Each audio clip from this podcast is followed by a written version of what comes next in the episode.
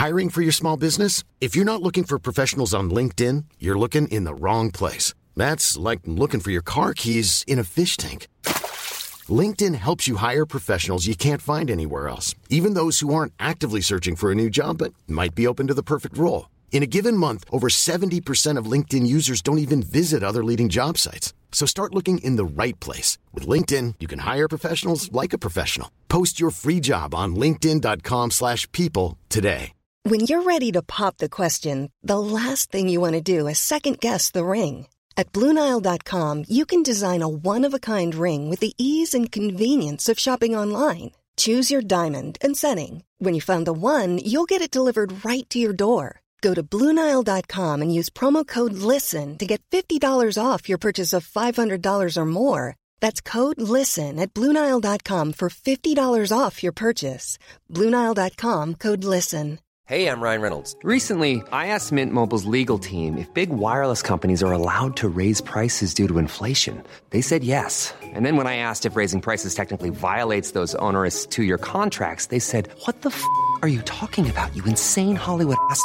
F- So to recap, we're cutting the price of Mint Unlimited from $30 a month to just $15 a month. Give it a try at mintmobile.com slash switch. $45 upfront for three months plus taxes and fees. Promo rate for new customers for limited time. Unlimited more than 40 gigabytes per month. Slows. Full terms at mintmobile.com. Blir Gud skyvd ut av litteraturen? Velkommen til Tore og Tarjei, en podkast fra dagen.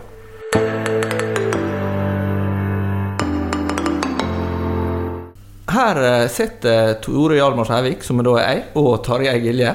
Eh, ikke så tett på, vi har Nei, her behørig avstand. en del avstand. Og, men vi er ikke der vi bruker å være. Det er riktig. Vi er i de nye lokalene til Bergen kristne bokhandel. Faktisk veldig flotte lokaler. Det er første gang jeg er her. De har flytta nå midt under eh, koronakrisa og fått eh, vesentlig bedre plass midt i Bergen sentrum. Og det passer jo veldig bra for oss å være akkurat her, akkurat i dag. Ja, for i dag har vi med oss en gjest, og det er Åsbjørg Høyvold Kallestad. Som er førstelektor ved Høgskolen på Vestlandet. Og Tarjei, hvorfor er hun her i dag? Jeg har anmeldt en av hennes bøker før, og da ble jeg veldig fascinert av, av eh, analysene av altså Gud i litteraturen. da. Vi skal si det med veldig få ord. Eh, Fordi at litteraturen, selv om ikke alle leser like mye bøker, så preger jo den oss på den måten at de fortellingene som blir fortalt, de gjør noe med den offentlige samtalen. Hva er vi opptatt av? Hvilke verdier er vi interessert i? Hvem sine historier er det som når frem? Eh, Og hvilken plass Gud har, og religion har, i det bildet, det har veldig mye å si for hvordan samtalene i, i, i, i klasserommet, rundt lunsjbordene Selv om ikke alle reflekterer like mye over at ja, dette har sammenheng med den nyeste romanen til den og den forfatteren, f.eks. Velkommen til oss, Åsbjørg. Tusen takk. Eh, veldig kjekt å ha deg her. Eh, du er jo akkurat ute med ei ny bok. Kan du si litt om den til å begynne med? Ja, altså den handler egentlig ikke noe særlig om Gud. Men den handler om eh, hvor viktig det er å lese litteratur. Eh, og viktig det er for oss som personer, og så viktig det er for oss eh, for å utvikle oss. Og for å lære oss å tenke og forhandle om Jeg kan godt si det på mange måter kristne verdier, for de kristne verdiene de ligger i litteraturen kanskje mye mer enn det vi tenker over.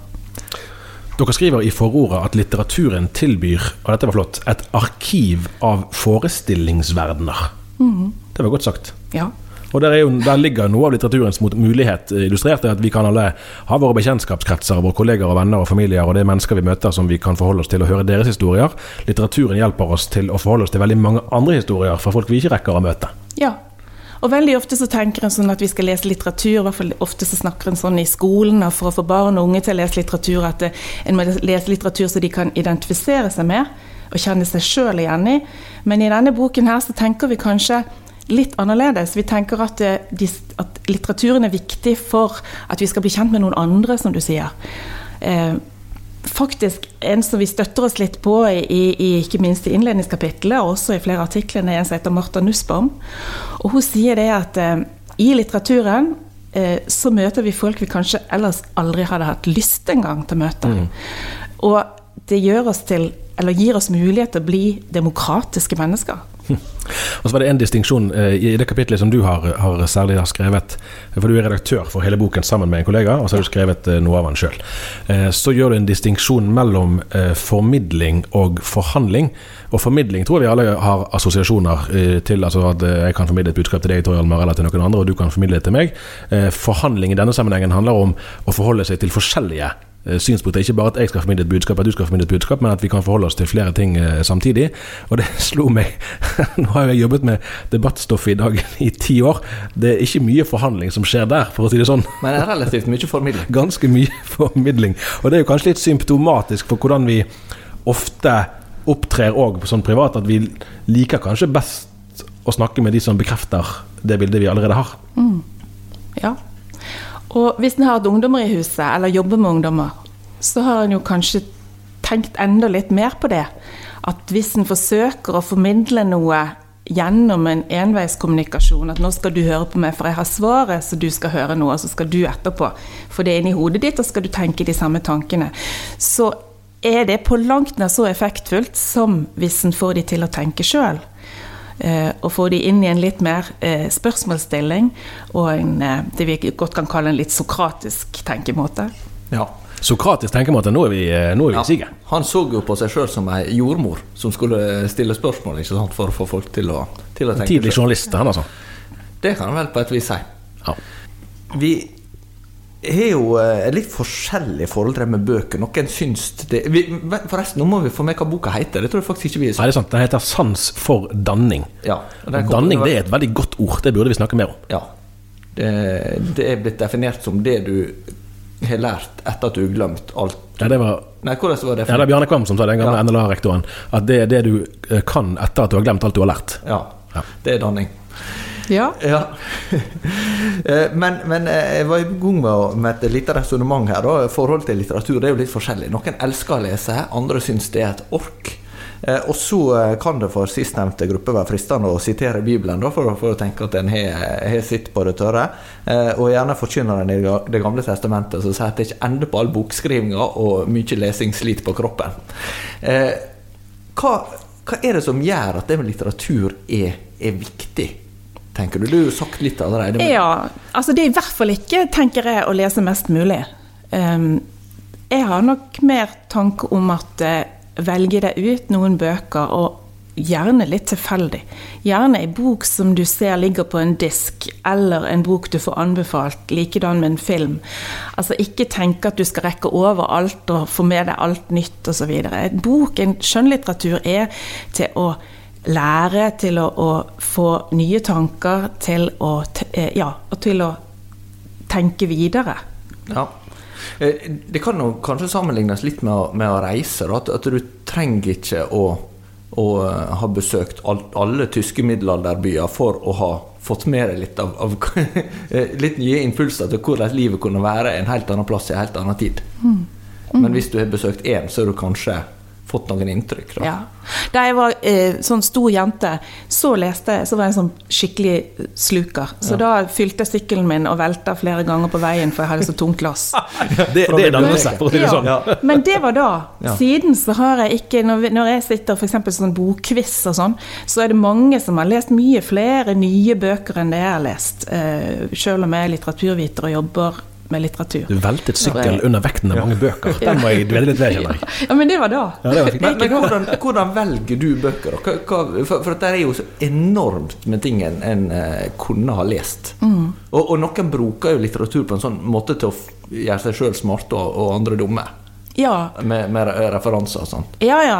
ja. Det håper jeg ikke driver med. For det um, Altså, jeg har vært så heldig at jeg har på en måte fått tak i bøker. Altså, egentlig så begynte min interesse for voksenlitteratur på videregående eller på gymnaset. eh, Ved bøker jeg skulle lese som pensum. Og det har egentlig fortsatt ettersom jeg begynte på litteraturvitenskap. Og du blir mata med alle klassikerne og får lov å lese de som det en skulle drive med hver dag. Og så har jeg lest egentlig en veksel av nye bøker som har kommet. Og så hadde jeg jo et, eh, et hovedfag der jeg studerte 90-tallslitteraturen. Og da fikk jeg komme inn i den nyere litteraturen på den måten. Så eh, jeg må rett og slett ved veldig mye tilfeldigheter. Men eh, du nevnte klassikere, det syns jeg er litt eh, interessant. Jeg, jeg eh, tenker av og til på et råd som jeg tror C.S. Lewis, eh, den kjente engelske forfatteren og, og, litteraturprofessoren som også har skrevet mye om kristen trosforsvar, eh, hadde et eh, råd om at en bør lese minst én gammel bok for hver ny bok en leser. og når jeg skal velge gamle bøker, så blir utvalget nesten enda større. Da. Men, men hvis du skal snakke om det som vi kaller klassikere. Hva er det for noe, og hvordan blir en bok en klassiker? Nei, altså en klassiker, den, det er jo en bok som har overlevd. Det er jo rett og slett en overlevelse at, kan, at, det er en bok som fremdeles blir lest. Noen klassikere er jo liksom bestemt at det er klassikere, så står de der, og så er de egentlig ikke lest likevel.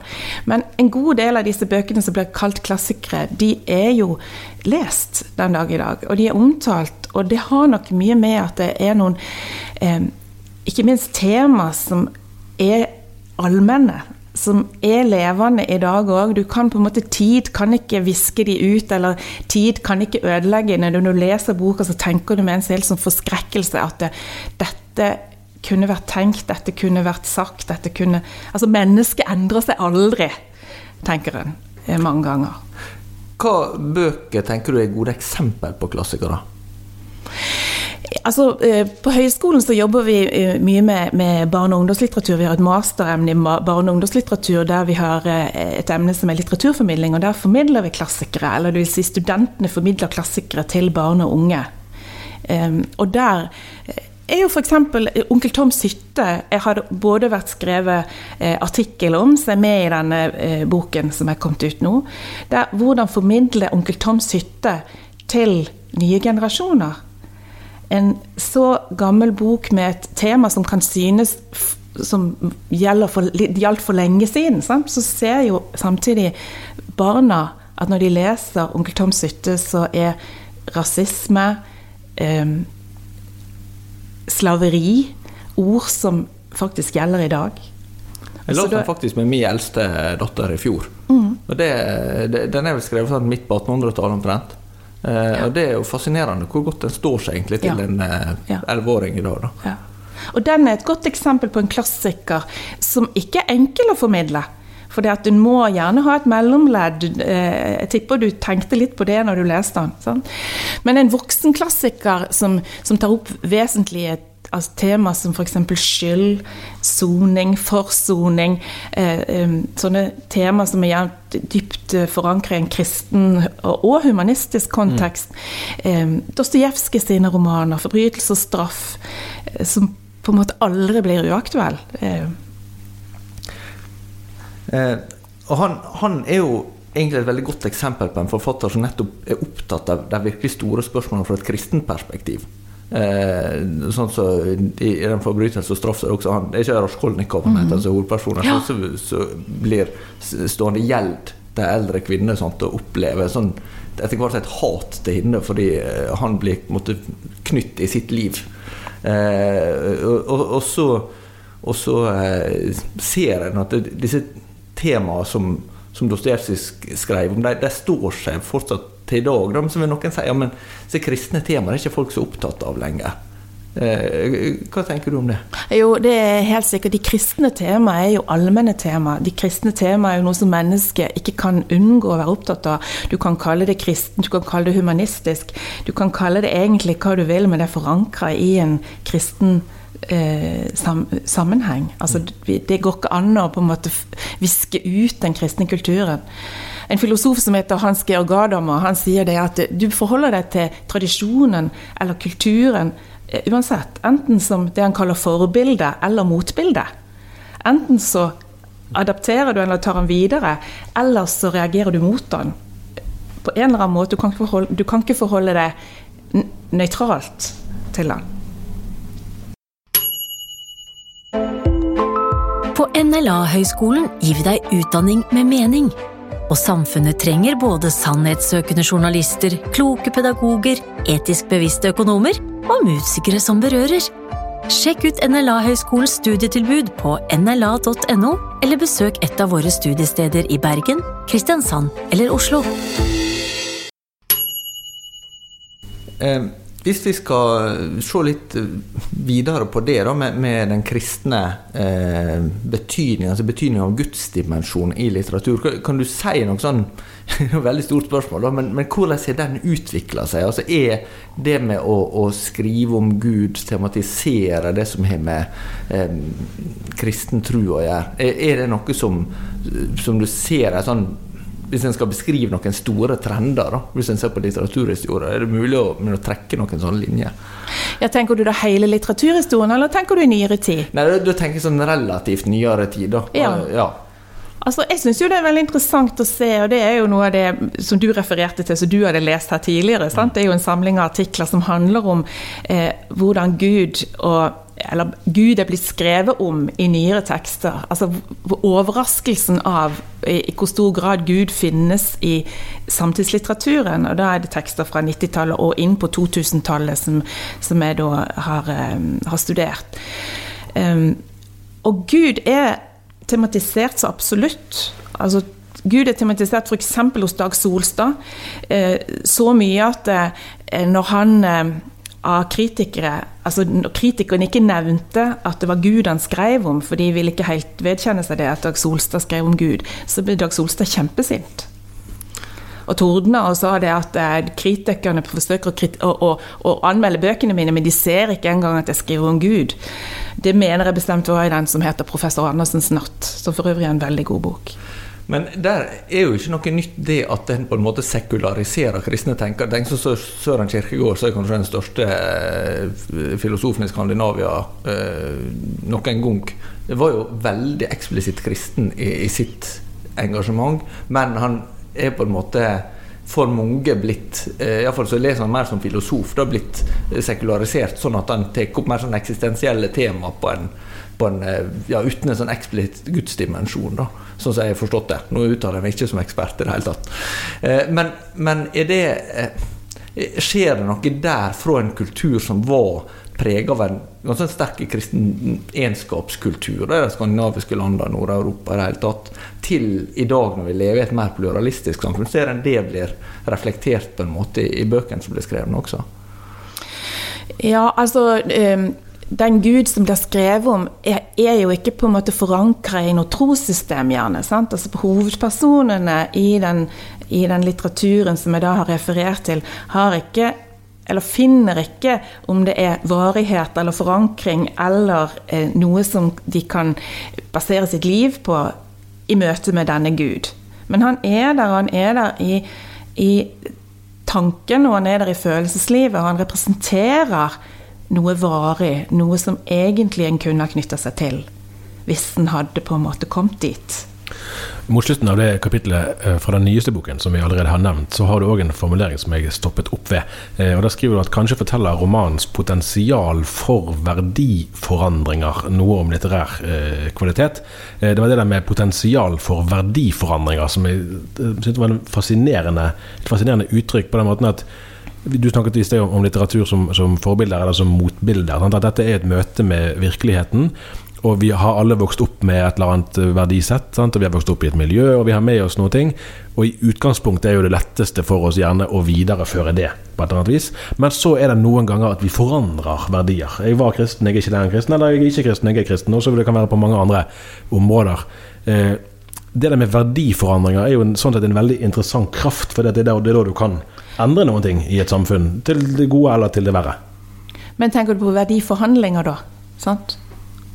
Jeg har notert verdiforandringer, men det var det verdiforhandlinger. verdiforhandlinger. Men det, da er jo jeg avslørt. Dette var egentlig veldig treffende, for jeg tenkte jeg skulle si at jeg har drevet journalistlesning av denne boken, og vi journalister er jo litt overfladiske mennesker.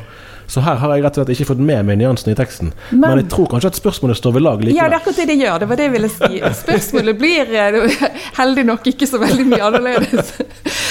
For det, det, det jeg mener der, det er at eh, verdiforhandlinger Hvis en, en skjønnlitterær tekst legger til rette for at den som leser, forhandler, altså begynner å tenke og vurdere eh, sjøl i møte med de verdiene mm. som romanen formidler, så sier det kanskje noe om litterær kvalitet. Ja.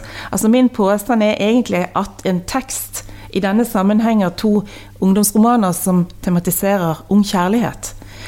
Der den ene mener jeg, forhandler omkring hva det er for noe, og hva kjærlighet er, og hva som er godt knyttet til kjærlighet, og hva som kan fungere destruktivt. Um, mens, og den ene for, forhandler, eller legger til rette for at leseren kan forhandle, og lar også hovedpersonene forhandle. Mens den andre um, ikke legger til rette for at de gjør det. Jeg vil bare få si en ting. Det står faktisk verdiforandringer i boken. Er det sant? Ja, det er sant. det kan være at det er en korrekturfeil, men i det manuset jeg har sett, så står det, det er en uh, korrekturfeil. men det var jo bra at vi kunne bidra til oppklaring av den saken. det, dette rører jo også ved et spørsmål som, som blir eh, diskutert, eh, og det går på hvor eksplisitt kristen litteratur kan være, uten at det går utover kvaliteten. Noen vil si at hvis en forfatter primært er opptatt av å formidle et budskap, så gjør det noe med fortellinga at den får sånn ja, forutsigbar innretning. ikke sant? At eh, figurene blir liksom gjort til typer, nesten, som er ja, eh, som gjør at det ikke det er ikke så interessant. Det, det, er ikke så, det utfordrer ikke tanken. Eh, hva tenker du om det? Nei, altså, for å si sånn, jeg tenker jo ikke så godt om det. Altså, jeg tenker jo virkelig at eh, ikke minst det med karakterer og personer i en, en tekst eh, eh bør være så komplekse og ha så mange sider uten at nødvendig på en måte skal ha et, real, altså et krav om realisme i en roman. Men det er noe med at hvis et menneske, et, en romankarakter, blir framstilt for enkel, så eh, setter heller ikke det i spill, de verdiforhandlingene, da, og ikke verdiforandringer, men verdiforhandlinger som en eh, vi snakker jo, Nå snakker vi om Dostojevskij som, som vel ganske allment er regnet som en av ja, de største forfatterne på hvem vet hvor mange hundre år. Eh, og ikke bare i menighetsmiljø, for å si det sånn. Eh, og, og Sånn kan du si på flere områder innenfor kunst, og til dels innenfor teknologi òg noen ganger, at kristne har ligget langt foran i å ta i bruk Ja, de har vært dyktige i det hele tatt dette er jo kanskje like mye psykologi som det er litteraturvitenskap, da, muligens, men, men um, man kan lure av og til på om det er en sånn uh, resignasjon eller en slags sånn proteksjonisme som preger det, når, når man innenfor det som kalles for kristen litteratur, uh, egentlig ikke våger å være så ja, i, i forhandlingene, for å si det sånn. Mm. At man, man, tør ikke helt å, å, speile hele virkeligheten. Man har en liten del, og den er det man vil formidle. Uh, går det an å si noe meningsfullt om hva slags forutsetninger som ligger bak det? Det er jo litt Altså, det er jo vanskelig å si hva som ligger bak det, sant? for det blir jo å liksom spekulere i noe. Men, men hvis en tenker at en skal skrive en kristen litteratur, altså at en litteratur kan være kristen, så vil jo det veldig fort bli at den skal munne ut i mm. et budskap som er kristent. Altså um, og hvis en har en snever forståelse av hva et kristent budskap er, altså at det skal være omtrent forkynnende, altså som en, en litterær variant av en preken, eh, så er jo for så vidt altså Det er for så vidt helt eh, redelig, det som ligger bak. Du ønsker å formidle et kristent budskap, men spørsmålet er jo om du fratar litteraturen noen kvaliteter mm. og noen muligheter den ellers ville hatt, hvis du gjør det. Du kan være, med fare for, for å si en sånn spoiler-alert her, da, men, men eh, nevnte forbrytelse og straff enda jo med en omvendelse.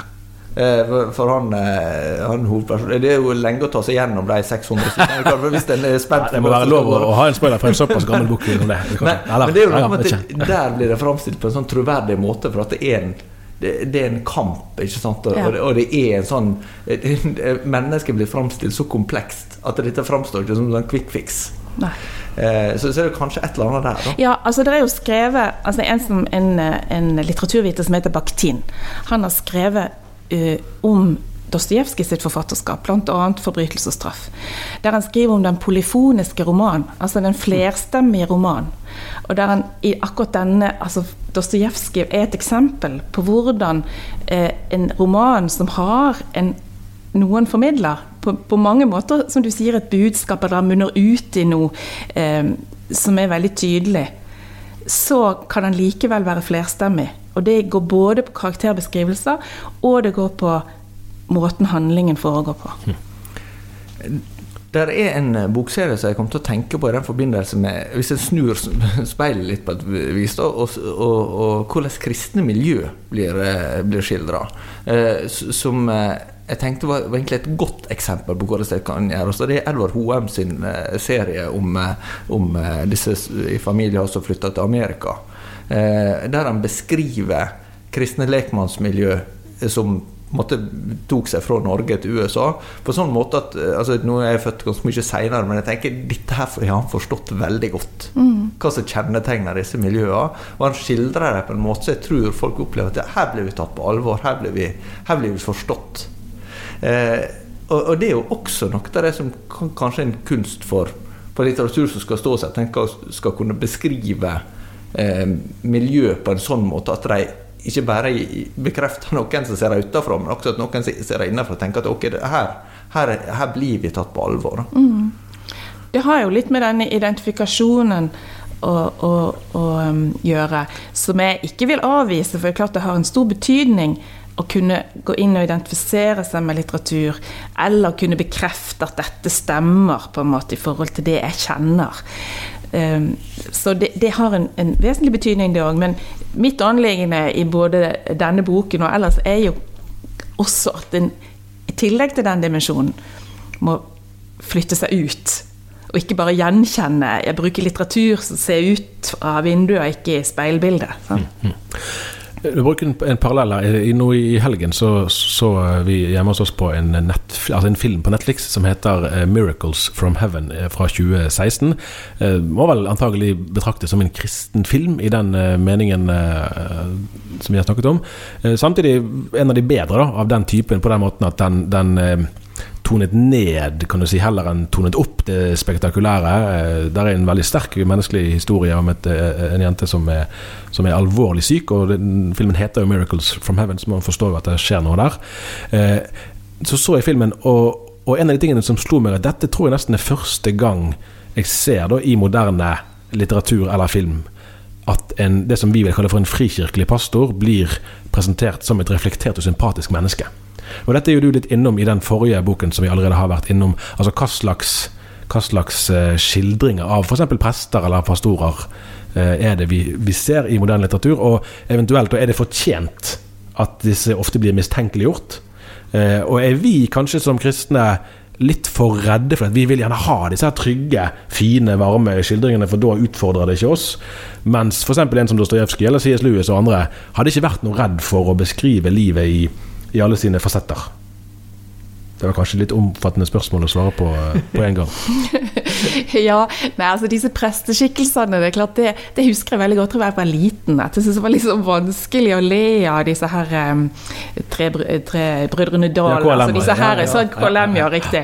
Sant, når de for rundt eh, Og så så jeg på min mor, og så holdt hun på å lese i hjel. Og da, da ble jeg litt sånn trygg på at det her kan vi jo faktisk det. Men det er klart du har et poeng. Det er mye rare prester skildra. I krimmen så er de jo suspekte, veldig mange av de. Um, i, i, I en av bøkene som jeg har eh, studert for ganske lenge siden, om, som jo heter 'Presten', Mm, han Ørstavik. ja, Hanne Ørstavik sin bok. Så er jo en helt annen prest. Det er jo en famlende prest som virkelig ønsker og vil så inderlig gripe dette. Men språket spiller henne bare et puss. Hun klarer ikke å gå inn i det liturgiske språket og bli en del av det, om hun aldri så gjerne ønsker. Det er en avstand som ikke hun klarer å, å finne ut av. sant? Så det er liksom en helt annen eh, skikkelse igjen.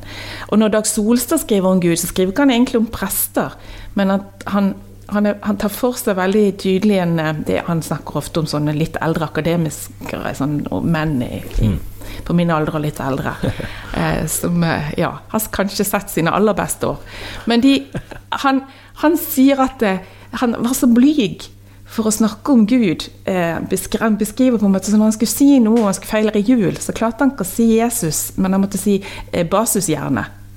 Bare fordi at eh, blygskapen tok han så inderlig. Og han klarte ikke å snakke om Gud, men han måtte snakke om den historiske Gud. Ja.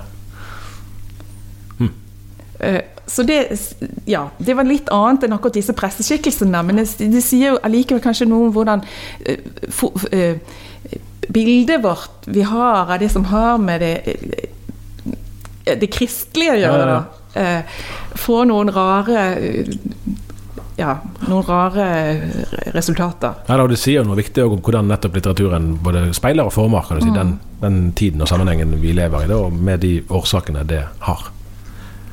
Til slutt, eh, vi, vi sitter jo i en bokhandel nå. Eh, du, du nevnte jo det innledningsvis, at, det, at du anbefaler folk å, å, å, være litt sånn Kanskje ikke nødvendigvis ha en sånn stor plan om at jeg må lese alt av den og den, eller jeg må liksom nødvendigvis lese så veldig mye. Da.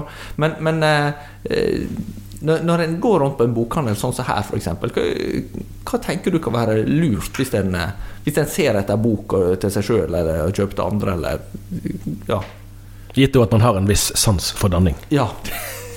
ja, altså ehm, eh, jeg har jo, Hvis du tenker her, så er det eh, Nå har ikke jeg sjekka helt hva de har av skjønnlitteratur, eh, egentlig, men jeg er nokså sikker på at de har en god del barne- og ungdomsklassikere um, som, er, som, har på en måte stått seg. Um, og, um, og en som er Den løgndomsfulle hagen hvis jeg skal nevne en, som er faktisk en veldig sånn på mange måter forkynnende bok. Altså den, den, den, den, eh, den ender opp i en slags forløsning. Eh, men uten at jeg skal si så mye mer. Men det er en sånn typisk klassiker som jeg vil si har det litterære med seg. Midt i at han eh, tar de verdiene som er forankret i en kristen tradisjon, videre. Forløsningen i det skapte og i at det er Gud som har gitt det. Takk skal du ha, Åsebjørg Høyvold Kallestad. Og så uh, høres vi igjen neste uke.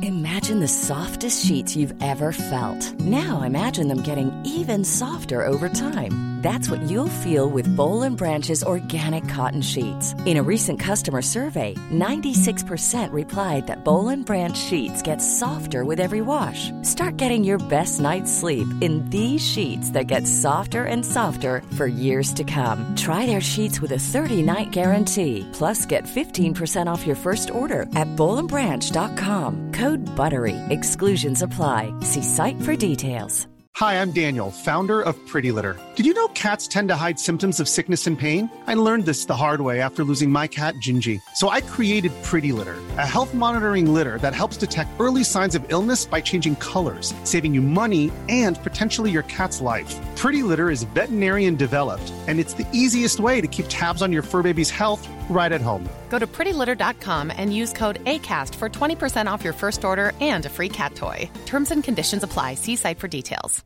When you make decisions for your company, you look for the no brainers. And if you have a lot of mailing to do, stamps.com is the ultimate no brainer. It streamlines your processes to make your business more efficient, which makes you less busy. Mail checks, invoices, legal documents, and everything you need to keep your business running with stamps.com. Seamlessly connect with every major marketplace and shopping cart. Schedule package pickups and see your cheapest and fastest shipping options from different carriers. With rates up to 89% off USPS and UPS rates. And with the Stamps.com mobile app, you can take care of mailing and shipping wherever you are. Make the same no-brainer decision as over 1 million other businesses with Stamps.com. Sign up with Code PROGRAM for a four-week trial, plus free postage and a free digital scale. No long-term commitments or contracts. That's Stamps.com. Code PROGRAM.